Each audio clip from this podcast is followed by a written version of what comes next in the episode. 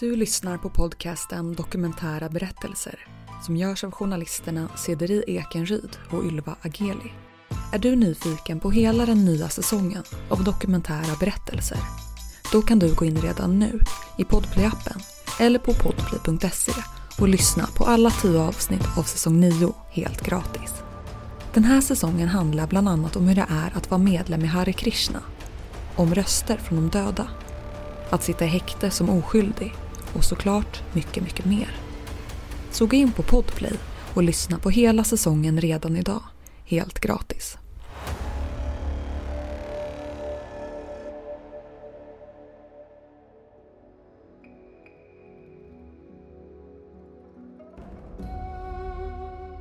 År 1966 grundas den religiösa Krishnarörelsen. Medlemmarna är kanske mest kända för sina orangea dräkter, rakade huvuden och för radbandet som används när man upprepar ett mantra. Det råder strikta regler. Man måste vara vegetarian, får inte röka, dricka alkohol eller kaffe eller ha sexuella förbindelser innan giftermål.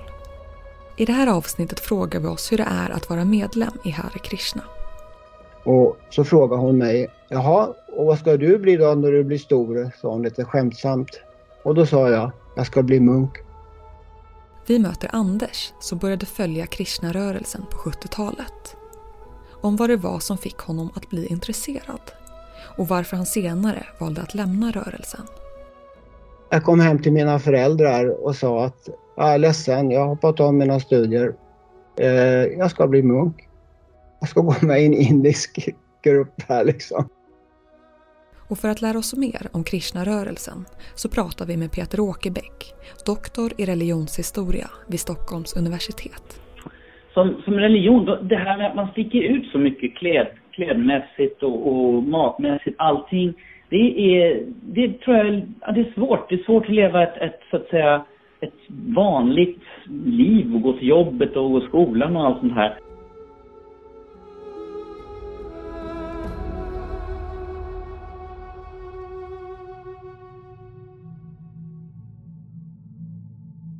Anders växer upp i en lägenhet i Linköping i en arbetarklassfamilj med två syskon. Han är familjens läshuvud. Och eh, det var min stora hobby faktiskt att, att läsa böcker. Till en början väldigt mycket om djur och natur och sen så gick det till många klassiker och vidare in i de liksom mer svårare verken när jag kom i tonåren. Och... Så att jag var lite grann utanför i min miljö.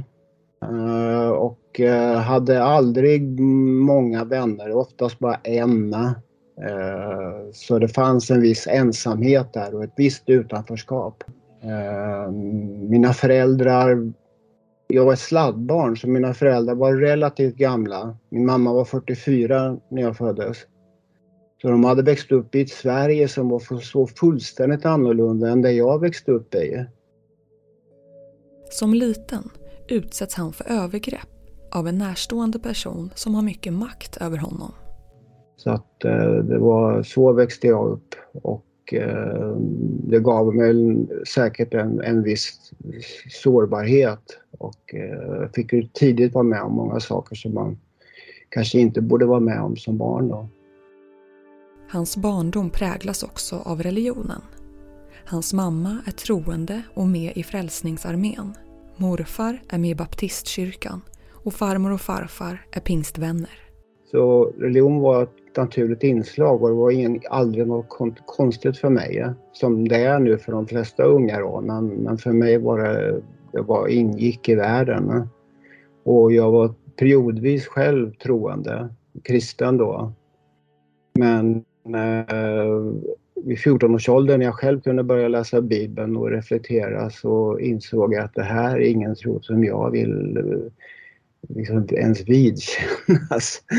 med den liksom gammaltestamentliga guden som svartsjuk och rasistisk och, och eh, etniska utrensningar. Och, alltså det är fruktansvärda berättelser i Gamla testamentet. Han lämnar kristendomen bakom sig men behåller en känsla för religion. Han läser psykologi och filosofi i tonåren, börjar med yoga och blir vegetarian. Jag var med i olika eh, politiska organisationer, alltså på, på, på vänsterkanten. och eh, fredsrörelse och så, så att det här med att vara engagerad och så, vilja förändring fanns med. Och, eh, och den psykologi som jag var attraherad av var sån så kallad humanistisk psykologi som handlade om personlig utveckling. Så det fanns med. Sen innan jag träffade på Hare Krishna så hade jag varit i Indien. Så att, och var där i ett halvår. Så att eh, min hinduism var inte heller obekant för mig. Det var på samma resa faktiskt. Jag reste jorden runt efter gymnasiet eh, därför att jag var bestämd att jag tänker inte gå någon utbildning eller bestämma mig vad jag ska göra i livet förrän jag har lärt känna mig själv och vad jag vill i grunden. Så att jag reste, var ute ett par år och reste. Det är i slutet av 70-talet. Han reser runt i världen, i Indien och så småningom kommer han till Kalifornien i USA. Där möter han för första gången rörelsen Hare Krishna. Och när jag stötte på Hare Krishna så tyckte jag nog att de var lite konstiga men de var ute på gatan. Det var ett stort gäng som sjöng och spelade. Och jag var lite hippie också då, hade varit blivit under min resa. Så att jag var ju lite vild då, så jag började dansa med dem och tyckte det var roligt. Och sen reste jag vidare och kom till ett, eh, ett, eh, en hippiefestival faktiskt uppe i, i nordvästra USA, i Washington. Och där var också Hare Krishna. Eh, och de kom ner varje kväll och bjöd på mat och sådär. Så att, och det var väldigt god mat och jag fick tag i en bok och började läsa och på den vägen fortsatte det. Så det var, det var en, eh, jag var förberedd och sen så och hade den här nyfikenheten och öppenheten och sen så blev det gradvis att jag kom mer och mer i kontakt så jag började söka upp dem.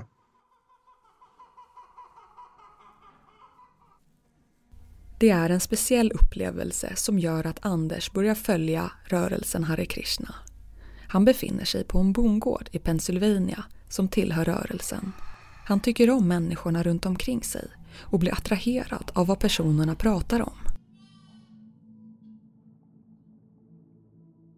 Och det som attraherar mig mest det var någonting som man tryckte på väldigt mycket på den tiden och det är att du är inte den här kroppen. Du är en andegnista. Du är evig, du är fylld av lycka och du är fylld av, av kunskap. Men du har glömt bort det. Så att det gäller att återuppväcka det här och, och, få det att minnas och få det att vakna upp. För du sover. Mm. och jag kände wow, kan det liksom vara så? Det är en tidig morgon när han är på väg till templet. Det är väldigt vackert ute med ett speciellt morgonljus för månen och stjärnorna syns fortfarande på himlen. Så kom vi in i templet och eh, så var det den första ceremonin och då är liksom, det finns ett altare med gudsgestalter. Och eh, när man kommer så först eh, är det ett draperi som är före. Och så börjar man sjunga och spela, sen öppnas det här draperiet och så ser man de här gudsgestalterna och de är väldigt Eh, det är, indiska gudsgestalter och, med alla utsmyckningar och kläder och, och eh, de får mat och allting sådär. Man ser det som en, att det är Gud manifesterad i de här gestalterna och där kan man liksom möta Gud och se Gud så där direkt. Och där så fick jag en oerhörd liksom rus av lycka som liksom gick genom hela kroppen och gick i vågor eh, genom kroppen. Och jag tyckte att jag fick kontakt med de här gudsgestalterna, att det fanns liksom någonting där. Eh, och jag började gråta också av lycka. Och jag kände att jag har kommit hem. Det är det här jag tillhör. Jag har mött liksom Gud på riktigt för första gången i mitt liv. Och jag är hemma. Och jag känner mig så lugn och så lycklig.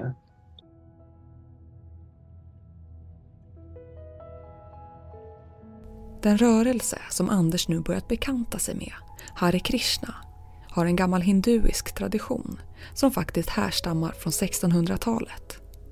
Vi hör Peter Åkerbäck, doktor i religionshistoria, berätta mer. Den skiljer sig lite grann från, från många andra hinduiska traditioner för att den, den tror inte att, att det finns en slags världssjäl eller att Gud är någon slags abstrakt varelse utan Gud är, är Krishna och Gud är så att säga, det, det, det, det är en, en, spe, en specifik, Gud är specifik så att säga, det är inte någon världssjäl eller sånt här saker. Och som person så har man man är liksom en del av den här eh, gudomligheten. Man, men man, man är trots allt fast i materien, man är fast här. Eh, och det gäller att komma så nära det gudomliga som möjligt. Det handlar inte om att utplåna sig själv eller kunna få upplösas eller eh, få ett bättre, bättre liv nästa. Utan det handlar om att inse att man lever i den här symbiosen med, med Krishna. Och, och det gäller att försöka ta sig ur det materiella kan man säga. Ett poddtips från Podplay. I podden Något Kaiko garanterar östgötarna Brutti och jag, Davva, dig en stor dos skratt. Där följer jag pladask för köttätandet igen. Man är lite som en jävla vampyr. Man har fått lite blodsmak och då måste man ha mer. Udda spaningar, fängslande anekdoter och en och annan arg rant. Jag måste ha mitt kaffe på morgonen för annars är jag ingen trevlig människa. Då är du ingen trevlig människa, punkt. Något Kaiko, hör du på Podplay. Därför är gardinerna. Just den här känslomässigt starka upplevelsen ska återkomma och bli något som Anders upplever flera gånger. Kanske har han särskilt lätt för att uppleva den jämfört med andra. Men så här i efterhand tror han att den är kopplad till att vara människa och inte till en specifik religion. Alltså det, det har ju oftast kommit eh, i, i särskilda situationer där, ehm, där det kanske finns mycket av laddning. Att man funderar väldigt mycket på eh, vem man är och vad man vill och eh, är det här liksom min grej och ska jag vara här och så. Så att det finns liksom en, en slags elektrisk spänning inom en. Och sen så är man med i en ceremoni, en ritual. Eh, som i sig är Alltså det, det, är ju inte en sekt så ofta som har skapat dem så utan det ju, tillhör ju den religiösa världen att man har ritualer och, och ceremonier. Så det är ju någonting som människor har på med hur länge som helst. Man har hittat en grav som är 40 000 år gammal där en schaman uppenbarligen är begravd. Så människan har ju den här dimensionen inom sig och har förmodligen alltid haft liksom, just Homo sapiens har en medvetandegrad och en förmåga, kognitiv och emotionell förmåga som gör att, att eh, man kan uppleva att det finns någonting mer än det här liksom rent fysiska och kroppen. Man kan känna att jag finns någonstans här i mitt huvud och jag sitter här och jag hör ljuden, jag ser saker som kommer in men jag sitter här liksom. Den gud som man framförallt tror på är Krishna. En av den indiska mytologins främsta gudar. Egentligen ses Krishna som en avatar till guden Vishnu. Inom, inom hinduismen så är det en, en del av Vishnu, men, men i Krishnarörelsen så, så, har, så är det just Krishna som är det är den, det är, den egentliga guden. Sen har han kommit ner i andra former. Men det här är hans viktigaste form och det är det som är det, det, det gudomliga. Och det här är en tradition som uppstår på 1600-talet någon gång på, i, inom hinduismen. Och sen så kommer ju den då via eh, Prabhupada till västerlandet på, på 60-talet och sen så, så får vi, och då har vi en mängd eh, unga människor som är nyandligt intresserade. Vi har ju haft hippies och hippievågen och sånt här. Och de här personerna får, eh, blir enormt intresserade av just det. Så att den första vågen då, då är det väldigt många unga som ansluter sig till, till den här rörelsen och vi får en, en den sprids över hela världen och, och får ja, anhängare. Men, men då, för, för oss i västlandet blir det någonting nytt. Medan i Indien så har den ju funnits länge. När Anders börjar leva med rörelsen är den nästintill fullkomligt indisk. På bondgården lever de som ett kollektiv, nästan helt isolerade från omvärlden. Om man inte åkte och handlade eller var ute och missionerade eller sådär. Men, men, ehm, det fanns, man tittade inte på TV, man hörde inte på radio, man läste inga tidningar. De enda böcker man läste var rörelsens böcker eh, och man umgicks bara med de som bodde där. Så det var isolering. Um, och det, det, var så indiskt så att när man inte jobbade då så hade man på sig en gammal typ av indisk klädnad som är från Bengalen med tunna bomullskläder eh, dhoti och kurta. så det är saker som man virar runt kroppen och eh, kanske en skjorta och kvinnorna har sari och, och, maten man äter är indisk och templet är fullständigt indiskt. Dagarna är inrutade. De vaknar tidigt på natten, vid tretiden, tar en dusch eftersom renlighet är viktigt och sätter på sig en särskild lera som målas som ett tecken i pannan.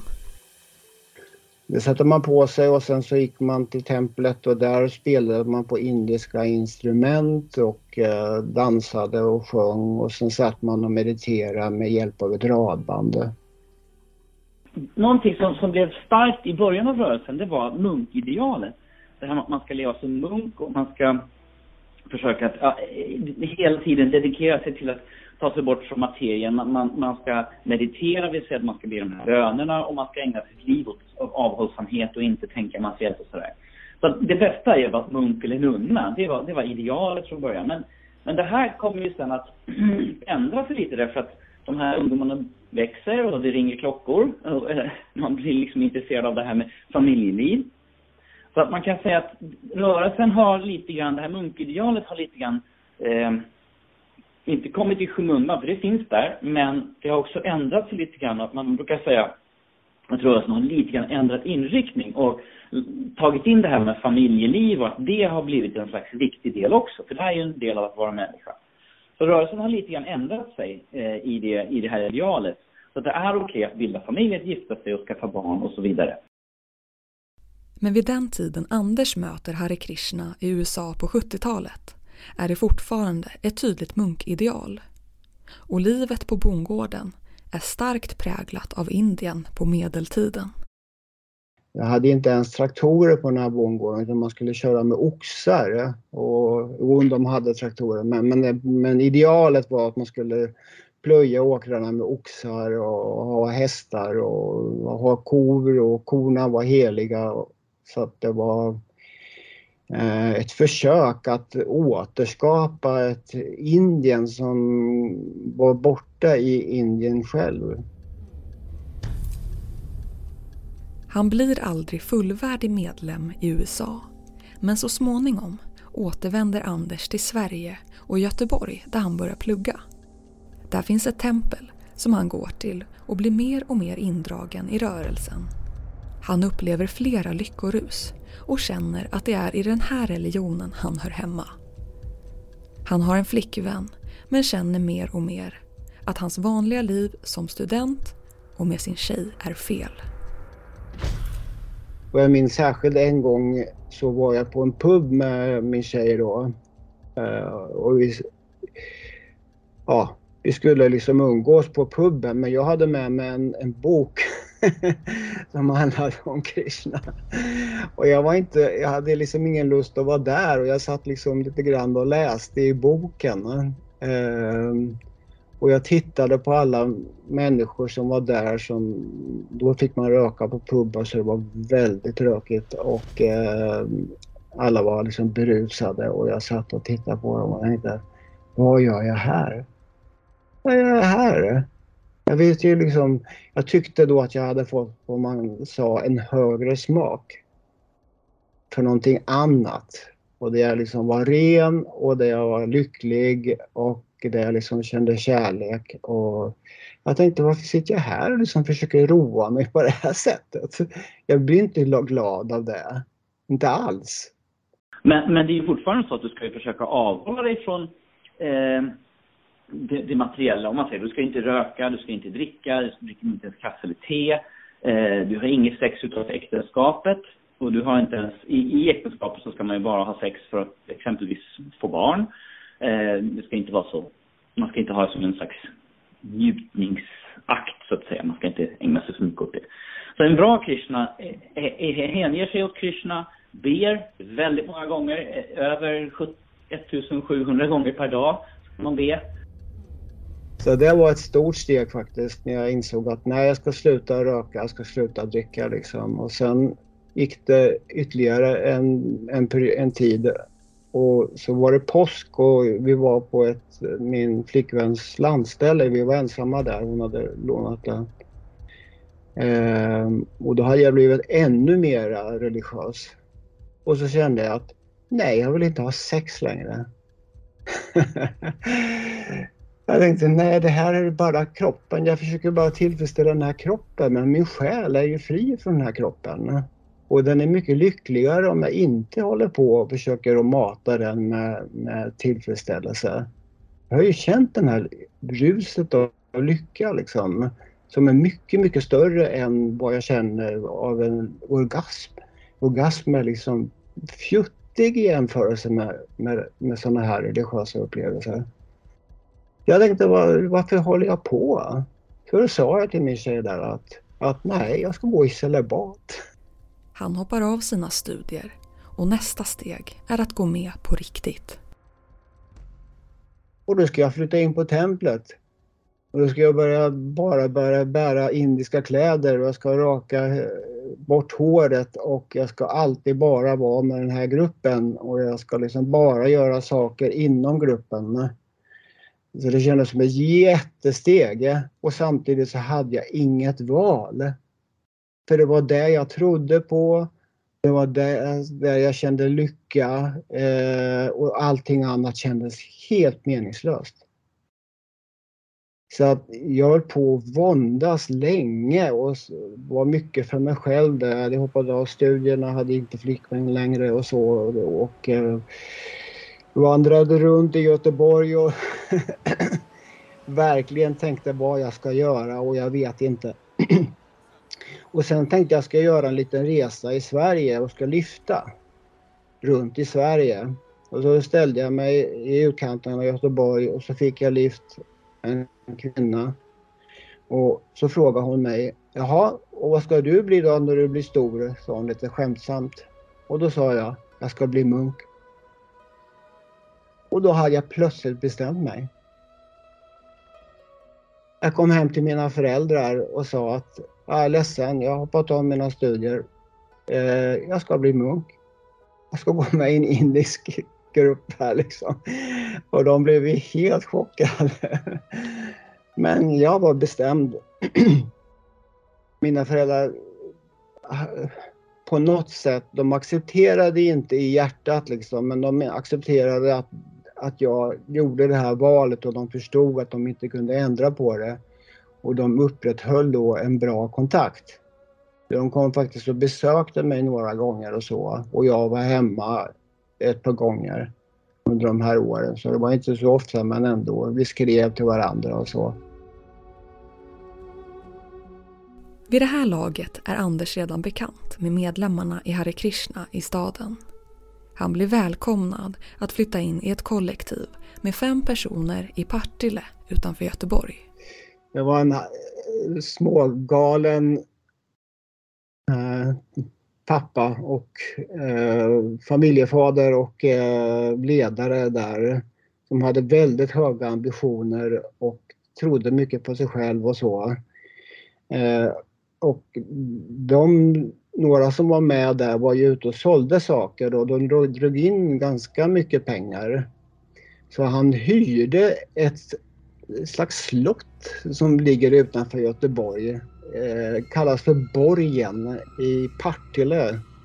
Eh, Eh, det är en stor tegelbyggnad som ligger på en höjd. Eh, så alla i Partille vet vad borgen är, ett gammalt hus. Eh, det var jättestort så vi hade liksom i princip egna rum och väldigt mycket utrymme. Och vi blev aldrig fler under den här perioden liksom. Och aldrig någonsin tror jag.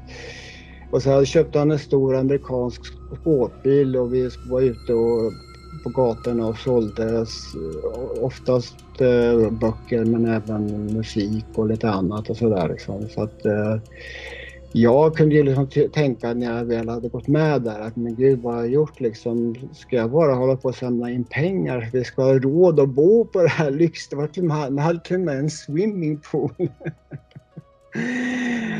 eh, det kunde vara lite olika på olika ställen men så var det i Göteborg. Eh, så att visst, jag var, jag var varmt välkommen och sen tyckte de att jag kanske var lite väl hastig för jag ville direkt raka av mig håret. I nästa avsnitt. Och jag kände att mitt huvud blev bart och det kändes som när jag liksom öppnade upp mig för något nytt. Hör om Anders invigningsceremoni där han rakar av sig håret och om hur det senare ska bli svårt att anpassa sig till samhället igen efter alla år som medlem. Jag ville inte riktigt tillbaka till samhället. Alltså det fanns ingenting som lockade mig direkt. Jag visste inte heller vad jag skulle göra. Glöm inte att alla avsnitt av säsong 9 finns ute redan nu, helt gratis på Podplay. Och vill du komma i kontakt med oss som producerar den här podden och dela med dig av din livshistoria Mejla oss på kunskapsstudion gmail.com.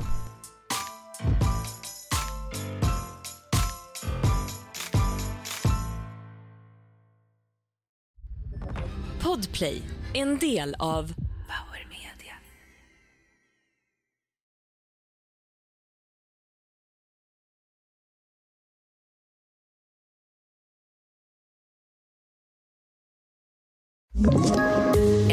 poddtips från Podplay. I podden Något Kaiko garanterar östgötarna Brutti och jag, Davva, dig en stor dos skratt. Där följer jag pladask för köttätandet igen. Man är lite som en jävla vampyr. Man har fått lite blodsmak och då måste man ha mer. Udda spaningar, fängslande anekdoter och en och annan arg rant. Jag måste ha mitt kaffe på morgonen för annars är jag ingen trevlig människa. Då är du ingen trevlig människa, punkt. Något Kaiko, hör du på Podplay. Därför är gardinerna.